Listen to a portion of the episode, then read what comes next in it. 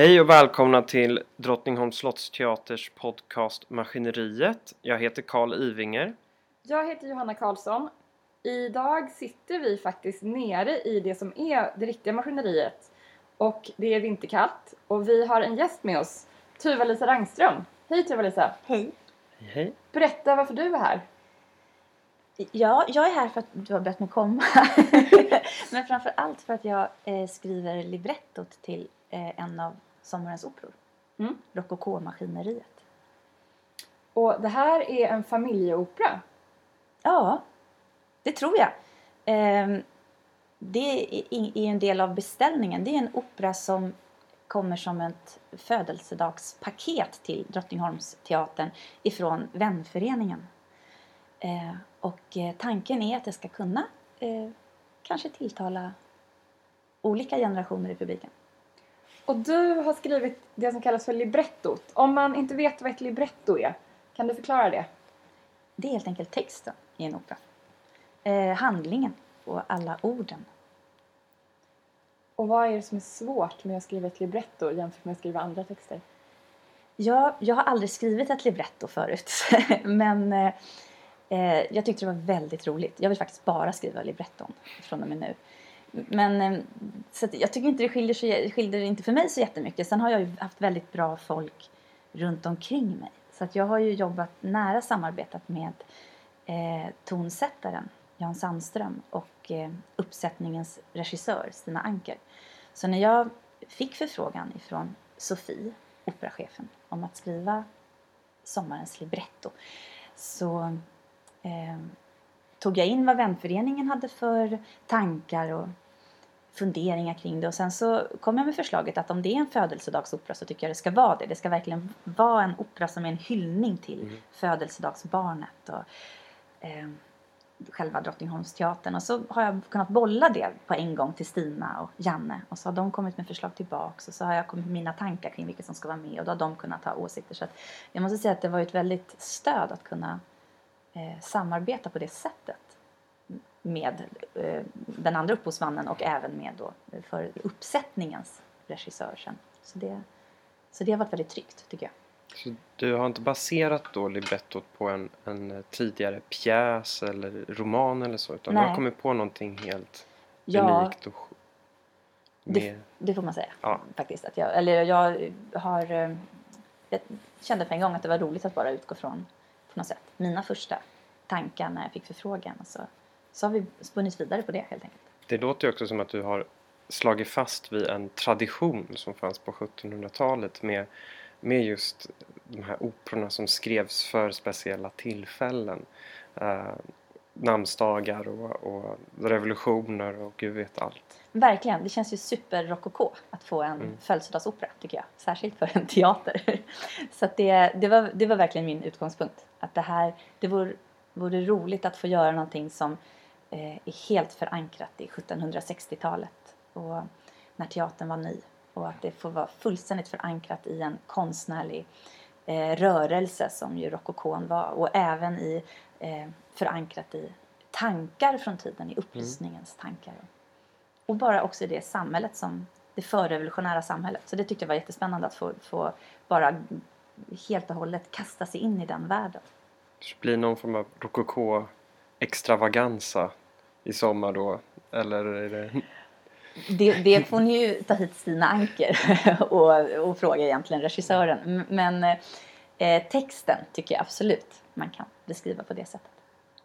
Varför var det just du som anlitades för det här tror du? Jag vet inte. Jag blir väldigt glad. Jag, jag, jag har, har ju som sagt aldrig skrivit något libretto innan. Men eh, jag har, har en historia av att ha varit på Drottningholmsteatern. Inte alls som professionell eller yrkesutövande. Jag är ju skådespelare i grunden. Och sen så, har jag, eh, så skriver jag också dramatik.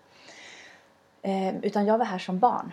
Eh, min pappa arbetade här då, Ture Rangström. Och jag, så mina bilder egentligen av, eller min, min relation till den här teatern är, är verkligen barnets. Eh, så. Jag minns hur man gick här, just nere här som barn, hur man kunde smita undan, hur det till och med var farligt att vara här för att det snurrade så fort i hjulen som vi sitter ju här mitt bland eh, repen och de olika eh, sandsäckar som hänger och hur det kunde gå fort även på vinden, hur man kunde ramla ner och det är ju jättehögt där uppe och, och även hur spännande det var på något sätt att bara få sitta med i salongen och se. Så jag tänkte det där, om det ska vara ett födelsedagskalas så vore det roligt att verkligen använda sig av barnets blick i det. Så det bestämde jag mig tidigt för att jag skulle ha eh, att, att jag ville ha den, de ögonen på mig när jag skrev. Men jag vet inte varför just jag blev tillfrågad. Men teatern är ju, har ju huvudrollen i Mm. den här operan. Är, är teatern en, en eh, besvärlig karaktär? Eller sköter den sig, tycker du? Tar den över ditt liv? Jag tycker att den sköter sig i den här operan. Eh, det, det var en grundtanke som, som man får bolla och brottas lite med. Att låta teatern vara faktiskt en, en karaktär och ha en vilja. Och tanken jag hade var att de andra karaktärerna som var med skulle ha relationer först och främst till teatern och inte till varandra. Och det, det kan ju ställa till det lite när man försöker skapa konflikter eller och göra någonting spelbart. Men jag tycker vi har hittat en fin balans där tillsammans med Stina Anker och Janne. Mm. Så känns det. Och när man läser rollistan så finns det ju väldigt spännande karaktärer med, förutom teatern. Fru frisör till exempel. Mm. Ljussnytaren. Mhm. Vad, berätta lite om, om karaktärerna. Vilka, vilka är de och varför, varför är de med? Och har alla funnits på riktigt? Ja, väldigt mycket tycker jag, eller är på riktigt. Jag, jag kastade mig in i massa böcker eh, om den Gustavianska operans födelse och om Drottningholmsteatern i synnerhet och läste allt som Agne, inte allt, men ögnade igenom allt som Agne Beijer har skrivit. Och, eh, och så är det så, ju så roligt att vara eh, dramatiker, då kan man bara plocka russinen ur kakan, det man själv tycker är roligt, det man själv går igång på. Så jag fyllde en liten bok med alla tankar och alla namn och alla eh, idéer som, som jag ville jobba vidare med. Och då utkristalliserade sig ganska fort några karaktärer. Eh, och anledningen till att just de kom fram var att jag ville att det skulle vara en opera där operahuset självt var stjärnan. Och jag ville att de karaktärer som var med inte i första hand skulle vara eh, stjärnsångare eller stjärnskådespelare utan jag ville att de övriga eh, sångarna skulle vara hantverkare. De hantverkare som gör det möjligt att göra en föreställning. Så jag ville att det skulle vara en perukmakare med. Fru frisör kom fram då. Och jag ville att det skulle vara en dekormålare med så han kom fram. Och så maskinmästaren förstås. Och, eh, så tänkte jag skulle ha en ljusmästare också men då så föll jag så för det lilla ordet ljussnytare. En liten ljusmästarlärling eller någon som helt enkelt tog hand om att släcka eh, och se till att släcka ljusen i, så det inte började brinna på teatern. Superviktig uppgift såklart på 1700-talet. Eh, så så kom ljussnytaren till då. Eh, och jag ville att de där hantverkarna verkligen skulle på något sätt i sann upplysningsanda ha rätt att skapa fritt. Att scenarbetaren skulle vara ett geni med rätt att skapa fritt. Så det var en slags grundidé jag hade som, som vi nu har byggt operan på.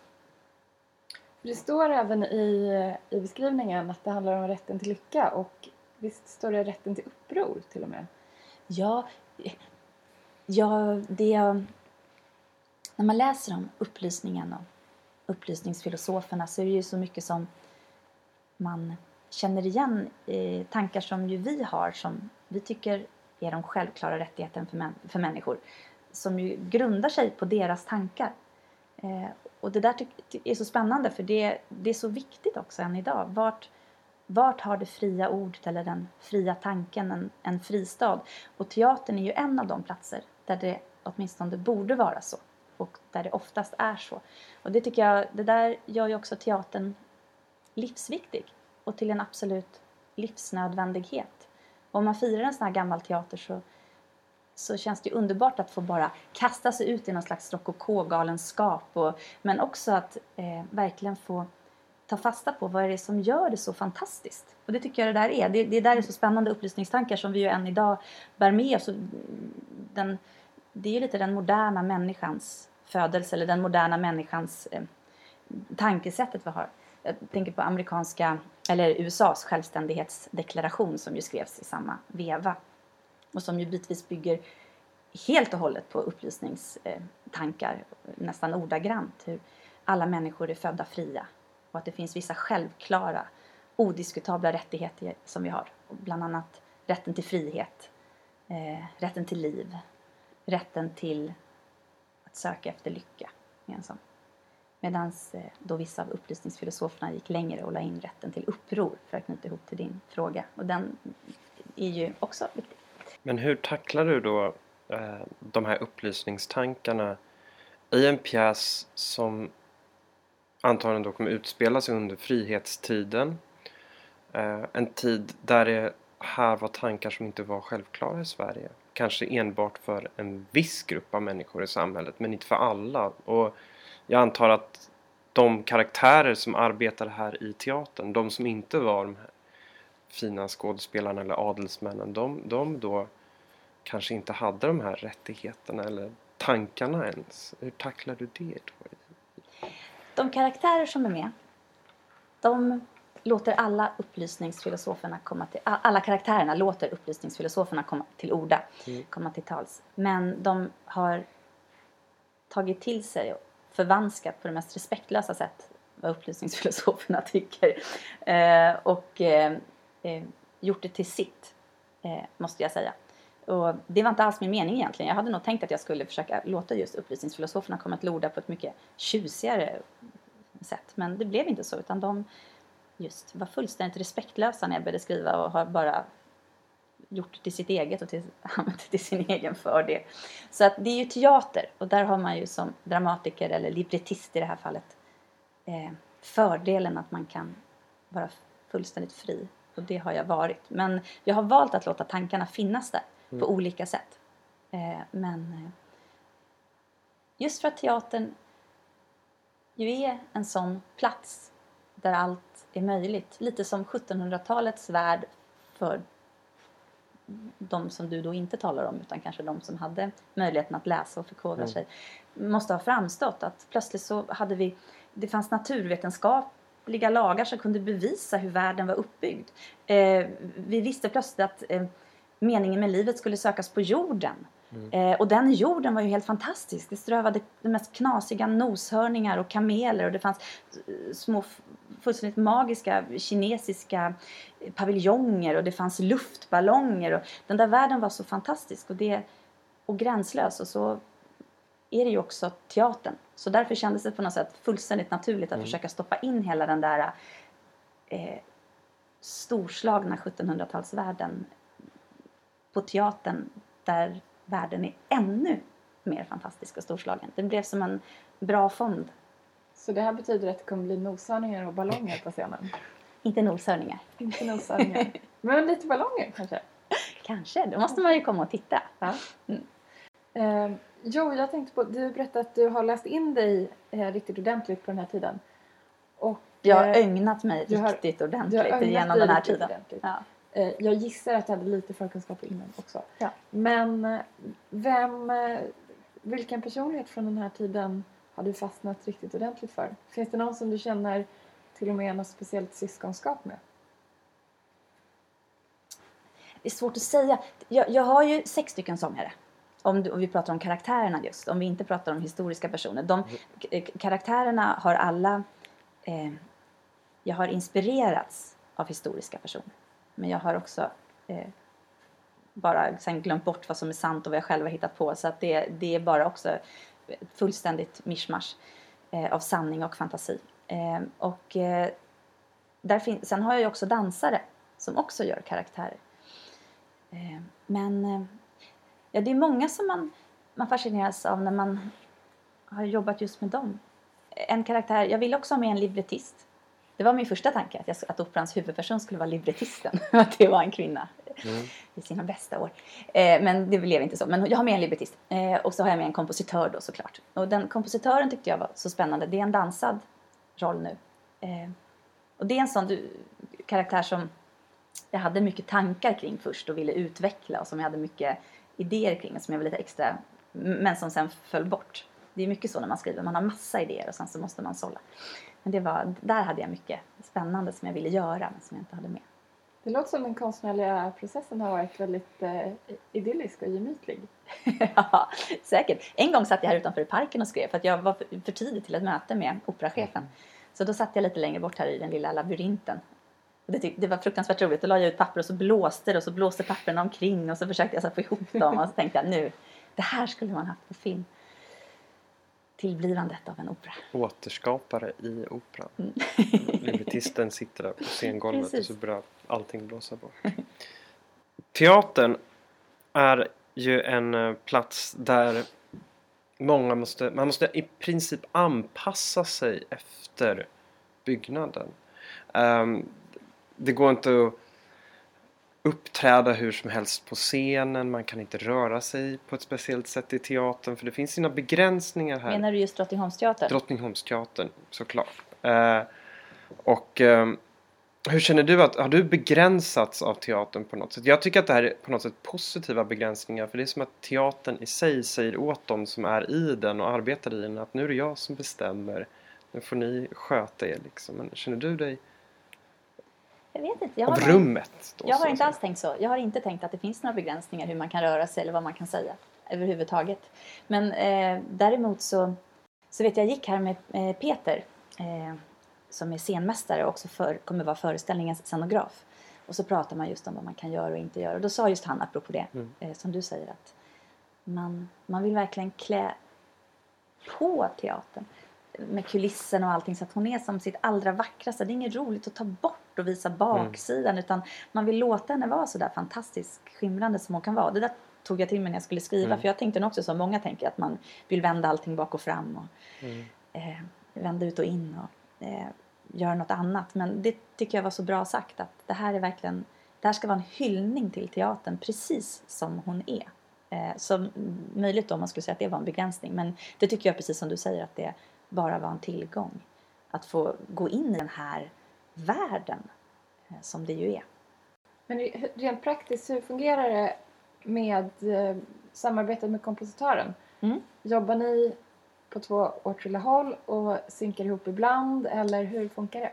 Ja, det gör vi. Eh, jag hade ju första idéer och då skypade vi, jag och Janne och regissören Stina. Som det kändes viktigt att vi alla tre var med från start. Eh, så då pratade vi om de idéer jag hade och de kom med sina idéer och eh, respons. Och sen så skrev jag vidare och sen så träffades vi i Stockholm allihopa. Och så, då hade jag gjort som ett litet schema där jag hade skrivit upp alla scener eh, i första akten och andra akten. Så kunde vi gå igenom vad de skulle innehålla. Och så kunde vi prata om det fungerade och hur det kändes. Och Stina kom med sina kommentarer och Janne med sina. Och sen så fortsatte jag jobba utifrån det och skriva allting. Och när jag hade skrivit första akten så skickade jag vidare till Stina och så till Janne. Och så satt vi återigen och kommenterade och gick igenom. Och sen skrev jag klart andra akten och så gjorde vi på samma sätt. Så det har varit, verkligen varit ett eh, eh mycket samarbete rakt igenom. Jag skriver på små lappar alltid. Jag skriver allt. Eh, jag tycker det är skönt att bara sätta upp alla små tankar. Först skriver jag ner allting i en bok. Allt jag hittar i olika andra böcker och tankar och idéer man får. Och sen så går jag igenom den där boken och så skriver jag ut små lappar som liksom är någon slags eh, koncentrerad någon slags koncentrat av det som stod i den första boken. Och sen så utifrån det så skriver jag ner texten så brukar jag jobba. Jag tog med mina små lappar, ni ska få se. Jag har ett litet Roligt. blått kuvert. De är inte alls många, det var så kul när jag plockade ner dem från väggen. Då är blev hela operan så här. Jag tänkte mig med så här post-it-lappar. Nej, de här är ungefär 4 gånger 2 centimeter. Och så står det med tunn, tunn grå skrift Ja. på. Och det kanske är, vad vet jag, 50. Och det är inte alls mycket, det är som mindre än en tändsticksask. De får plats i en tänd, hela operan får plats i en tändsticksask. Och här är liksom alla tankar som bara jag tyckte var viktigt att få med. Här står det en av de vackraste teatersalonger som någonsin skapats. Det kändes viktigt. Det var någon som hade skrivit. Jag tänkte det måste man ju ha med det är ju så. Och det på riktigt är en av de vackraste teatersalonger. Det är ju stort. Som någonsin har skapats. Fortfarande. Så man det, den känslan är viktig. Står det här. En lek med illusioner framtrollade av målarens pensel. Det var nog Agne Beijer som har sagt. Men det är också den där leken med illusioner. Det är så mycket teaterns grund. Så det kändes också att det, det där är viktigt att få med. Så har jag så alla små tankar. Vilar på glöden av en annan nedbrunnen teater. det är bra. Då känner man att det, det är ju häftigt. Det borde inte vara så kallt här därför kan man känna.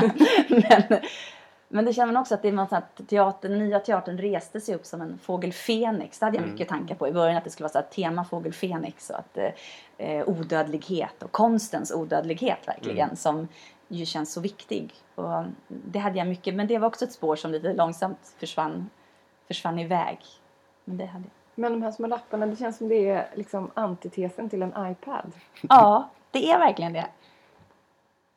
Jag jobbar ju helt i datorn egentligen, men jag, det här är så, det är så, blir så tydligt eh, att både skåda och skådas var det någon som hade skrivit i någon bok som jag läste. Det är också en sån Mm. där publiken sitter, man kan tänka att det är 1767 och, eller 68 kanske och så uppklädda och i eh, silver och guldtrådar och hur liksom de här levande ljusen lika mycket speglar publiken, att de nästan glittrar mer än sångarna på scenen och hur scenen är en spegelbild till salongen och vad är det då som är verkligt och dröm och det att sudda ut gränsen mellan verklighet och dröm kändes ju just superrokoko tycker jag också. Då kände att det där var en sån viktig liten tanke hur eh, man befinner sig så mycket i fantasin att man till slut inte vet vad som är verkligt och vad som är fantasi. Där tycker jag det är sådär som jag också ville få in i, i operan. Men finns det inte någon slags liten trend idag att man försöker gå tillbaks till det? När jag är på teatern nu så tycker jag rätt ofta att det speglar på scenen till exempel. Mm. Kanske det. Om det, det är roligt det där. Vad är, vad är dröm och vad är verklighet? Ja. Nu är vi uppe på scenen. Mm. Längst fram. Har du stått på scenen här tidigare? Ja, jag har varit en pingvin en gång eh, och dansat i vågorna här bakom oss. Jag minns inte vilket sammanhang, men det var när jag var liten. har ni? Vi- Guidat har jag gjort en gång från scenen. Men inte som pingvin. Nej, aldrig som pingvin. Eh, Vad hade du för kostym på dig? Finns den kvar? Det låter helt Jag, jag minns inte, jag minns bara att jag var pingvin. Det är ett av mina favoritdjur. Ja. Det låter nästan lite galet. Ja. Men kommer du figurera på scenen nu också? Nej, nej, nej. Nu är jag, här är jag librettist helt och hållet. Det där är ju, tycker jag är så spännande för att man Teater är ju verkligen, en teaterföreställning eller en operaföreställning är ju verkligen ett allkonstverk. Och eh, det är egentligen en eh, upplysningstanke, en holistisk Dennis Diderot-tanke att eh, eh, helheten kan vara större än summan av delarna på något sätt. Och så är det ju verkligen i ett sånt här allkonstverk. Så min lilla del är ju librettot och sen tillkommer det ju massa andra delar som är allt ifrån regi till Självklart är ju musiken också, en, den är ju en superstor del. Men sen hur dirigenten tänker förhålla sig till den och hur sångarna tar in med sen så dekoren och allt är just ljus och mask och, eh, och även scenarbetarna som kommer jobba här och de värdarna som tar emot publiken. Allt är en del av det här stora konstverket som man gör tillsammans, det stora kollektiva konstverket. Så det tycker jag ska bli jättespännande. Att jag, min lilla pusselbit är ju så liten för sig själv men tillsammans med det andra så kommer det bli någonting stort. Sådär, ett, en, en helhet. Det är häftigt. Jag såg lite på kostymskisserna Mm. för ett tag sedan. Och då så såg jag någonting väldigt intressant. Det var en ekorre. Och nu, nu du kanske inte jag ska förstöra någonting när man går och ser den, så, men vad, vad, hur kommer ekorrarna in i, i handlingen? Ekorren, den bara kom. Jag har ofta idéer hur det ska vara när jag ska skriva och sen så, och så har jag mina små lappar och så har jag, tänker jag att det ska följa någon sorts linje men plötsligt så kommer det någon bara och ekorren bara kom. Eh, det är inte värt jag säger något mer om det men lite grann kom det sig av att det, det var faktiskt också just när jag läste någonting som Agne Beijer hade skrivit att eh, det där mischmaschet av olika tider som är så typiskt för 1700-talet. Hur en antik riddare kan träffa en eh, herdinna som är klädd i gustaviansk hovdräkt. eh, Som, eh, på något sätt att det där mischmaschet av olika tider blir ren och skär rokoko. Det kan vi vara förvissade om. Och det tänkte jag att det vore roligt om den lilla balletttruppen som kommer till den här föreställningen kan få vara sånt där rokoko-mischmasch. Och i det så kom den lilla ekorren. Mm. Men då säger vi tack så mycket till Tuva-Lisa. Tack. Och vi hörs nästa gång. Hej då! Hej då!